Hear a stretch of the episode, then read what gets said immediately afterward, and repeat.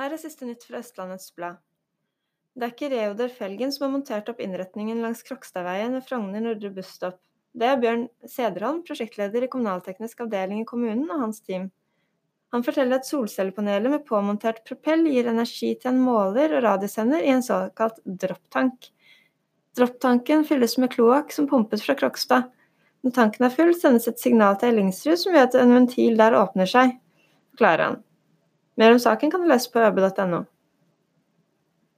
Det går mot midtsommer, og dyrene på gården til Hilde og Kristin Aukrust på Svartskog nyter varmen. Dette blir deres siste sommerferie, for i høsten skal de slaktes. Store restauranter står på kundelisten til gården i Svartskog, men det aller meste av kjøttet selges til private, forteller bøndene. Det blir flere endringer i butikksammensetningen på Ski storsenter i løpet av høsten.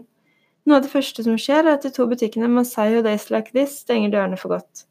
Inn kommer Levis Store og den nederlandske undertøyskjeden Hunkemøller.